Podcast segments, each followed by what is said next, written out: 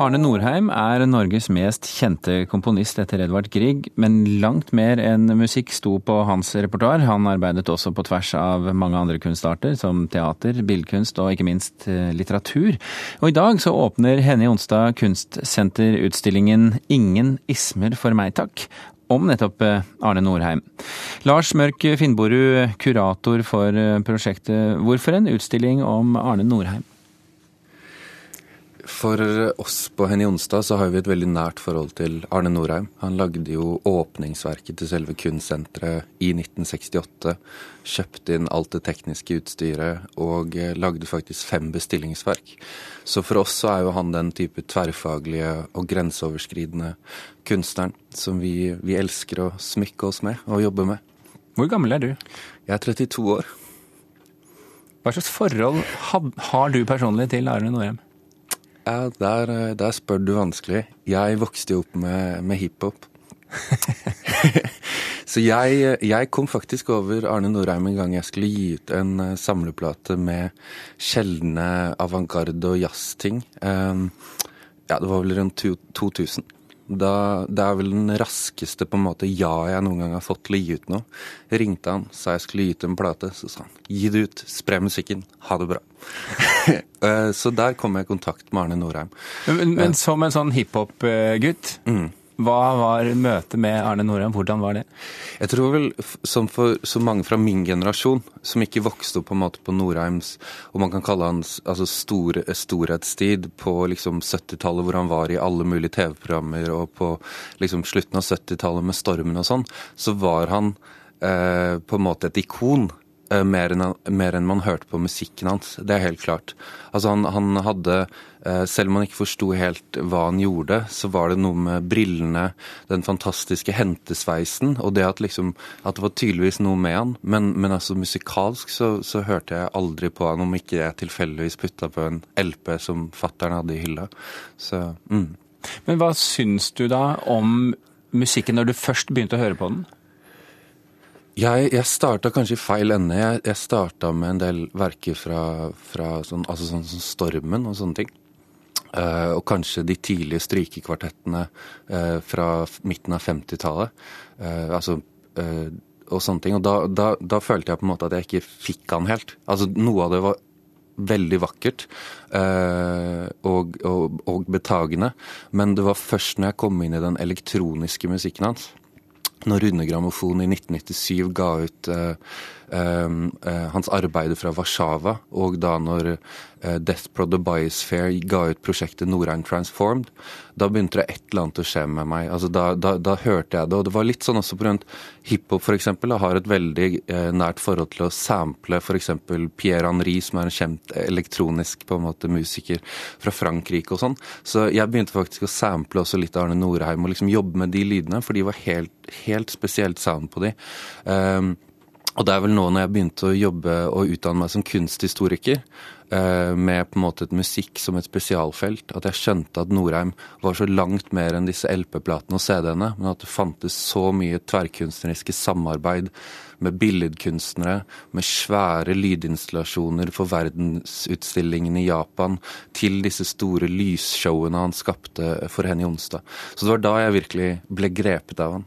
Hvilken fordel tror du det er for Hvis du prøver å skille deg og Henny Onsdag Kunstsenter det kan jo være vanskelig, men ok, gjør et forsøk. Hvilken fordel tror du det er for Henny Onsdag Kunstsenter, som har denne lange historien med Arne Norheim, at det kommer en 32-åring inn og gjør kurateringen av utstillingen? Jeg tror eh, at det har vært veldig viktig. Og grunnen til at jeg sier det, er at mitt syn på, på denne utstillingen og mitt måte oppdrag med denne utstillingen er å presentere Norheim til nye generasjoner eh, og la nye musikkvitere, eh, kunsthistorikere for å skrive nye tekster om han. og også på en måte, For det er veldig lite egentlig forskning som er gjort på Arne Norheim, og veldig lite publikasjoner. Så det er på en måte eh, en nær vennekrets og på en måte de samme artiklene som dukker opp hele tiden. og selvfølgelig at Norheim selv eh, var en iscenesetter av de store. Han levde jo til 2010.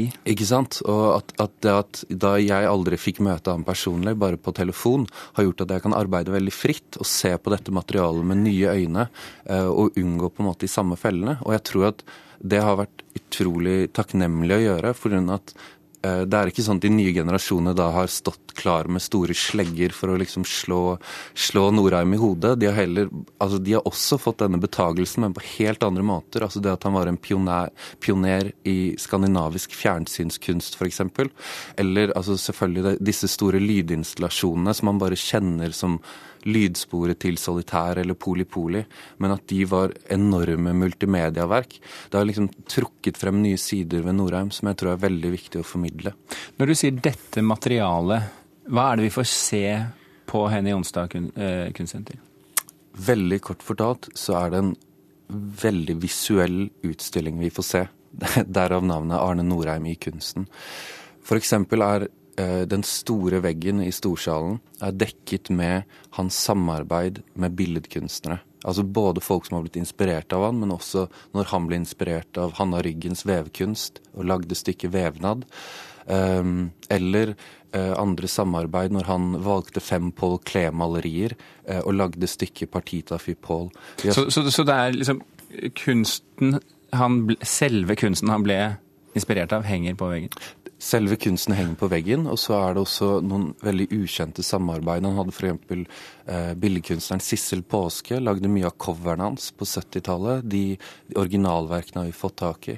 Store samarbeid med Per Kleiva, eh, Ole Lislerud har vi fått tak i. Men jeg, jeg vil jo også fremheve sterkt også at vi har fått lov til å vise frem eh, enken til Arne Norheim, Ranveig Getz, og da Arne Norheim sin kunstsamling, som består av et utrolig fint utvalg av norske modernister fra 50-tallet og, og, og, oppover. Uh, og denne samlingen har en så ekstremt personlig historie, for nesten alle sammen Det er ikke sånn de har gått rundt på Blomkvist for å kjøpe seg en fin samling. Dette er gaver, dette er personlige hilsener fra kanskje de mest fremtredende billedkunstnerne av vår generasjon. F.eks. vil jeg trekke frem da et Bendik Riis-tegning uh, som er der. Og det var når ingen skrev en nekrolog over Bendik Riis, så ble Arne Norheim så rasende at han satte seg ned og skrev en stor og varm nekrolog over han.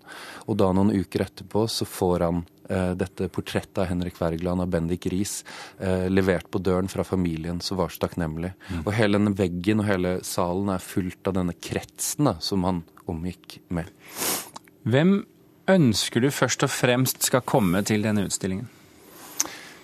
Jeg har fra starten av eh, slått inn i hodet på meg at jeg ikke skal lage en komponistutstilling. Jeg har gått på så mye komponistutstillinger som viser fram partiturer, og så er det det klassiske bildet hvor de mottar en stor pris som er blåst opp på veggen, og så kan du på en måte se noen videoer av et symfoniorkester. Jeg har prøvd å ikke gå i den fella. Har, har du klart det? Jeg, jeg, jeg, har klart det. Jeg vil lage Altså, grunnen til at, eh, grunnen til at jeg har greid å gjøre det, er at når du går inn på Arne Norheim, så er han jo en ekstremt uh, levemann, et positivt menneske, et lekende menneske. Så når jeg begynte å grave i dette materialet, så var det jo Altså, det var vel så interessant for folk som er interessert i billedkunst eller skulptur. Altså, han lagde jo skulpturer med Arnold Haukeland. Eh, altså, eh, hans første venner var jo Carl Nesjar og Inge Sitter og Ferdinand Skinne og Herman Wildenvey.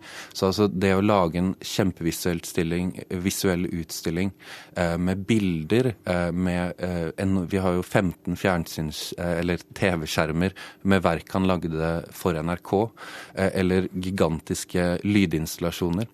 Så jeg tror både musikkinteresserte eh, personer, men også folk som er glad i billedkunst, men også litteratur, vil jeg si. For det er jo ikke til å glemme at Arne Norheim er kanskje den eneste komponisten i verdenshistorien hvor alle verkene tar en tittel eller inspirert av et litterært verk. Arne Norheim ble jo gjort mye narr av både pga. pling-plong-musikken og fordi at han hadde hentesveisen og, og var en litt sånn sær fyr. Men mitt inntrykk var at han var jo også en veldig elsket person. Kommer det frem i utstillingen på noe vis? Det vil jeg si gjennom Altså, arbeidet har vært så lystbetont gjennom at vi har fått låne alt. Altså, folk har jo virkelig villet bidra så godt de har kunnet uh, med denne utstillingen. Og um, Veldig mange når de fremstiller Norheim, er jo denne liksom pling-plong-musikeren som kjemper mot det kulturkonservative miljøet og sånn. Men Altså, Sannheten var jo at Arne Norheim fra starten av, selv om selvfølgelig det var en kritiker her og der som slo han ned, var jo ekstremt beundret og elsket fra, fra alle bøyger og kanter. Og selv om han ikke opplevde den enorme kommersielle suksessen, så hadde han jo altså ting som radiosignalet i NRK, eh, eller Stormen, som vi har en stor seksjon på i utstillingen, hvor vi viser eh, både video Ballettforestillingen. Riktig. Eh, som ble satt opp 80 ganger på Den norske opera. Um, så og når du går rundt i utstillingen, da, jeg kan trekke frem et eksempel, er f.eks. et brev fra Ferdinand Finne til eh, forleggeren Harald Grieg i 1957, hvor Ferdinand Finne har startet sin egen private innsamlingsaksjon for å skape et Arne Norheim-stipend til Arne Norheim, på grunn av at han mener at dette er den mest talentfulle unge mannen som beveger seg i Norge i 1957, og at vi i Kultur-Norge må støtte han.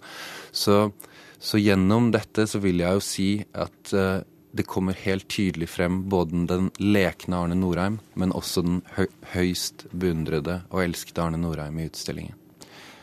Tusen hjertelig takk, eh, Lars Mørk eh, Finnborud, og, og, lykke til med utstillingen, eh, som begynner altså i, i kveld og varer til over nyttår. Det er altså komponist og musiker Helge Steen, også kjent som Deathprod, som skal gjenskape Norheims lydinstallasjoner på utstillingen. I 1998 så ga han ut plata Norheim Transformed, der han sammen med Geir Jensen remikset Arne Norheims elektroniske verker fra 60- og 70-tallet. Og slik hørtes det ut da han bearbeidet Norheims Poli Poli. Her er Twin Decks.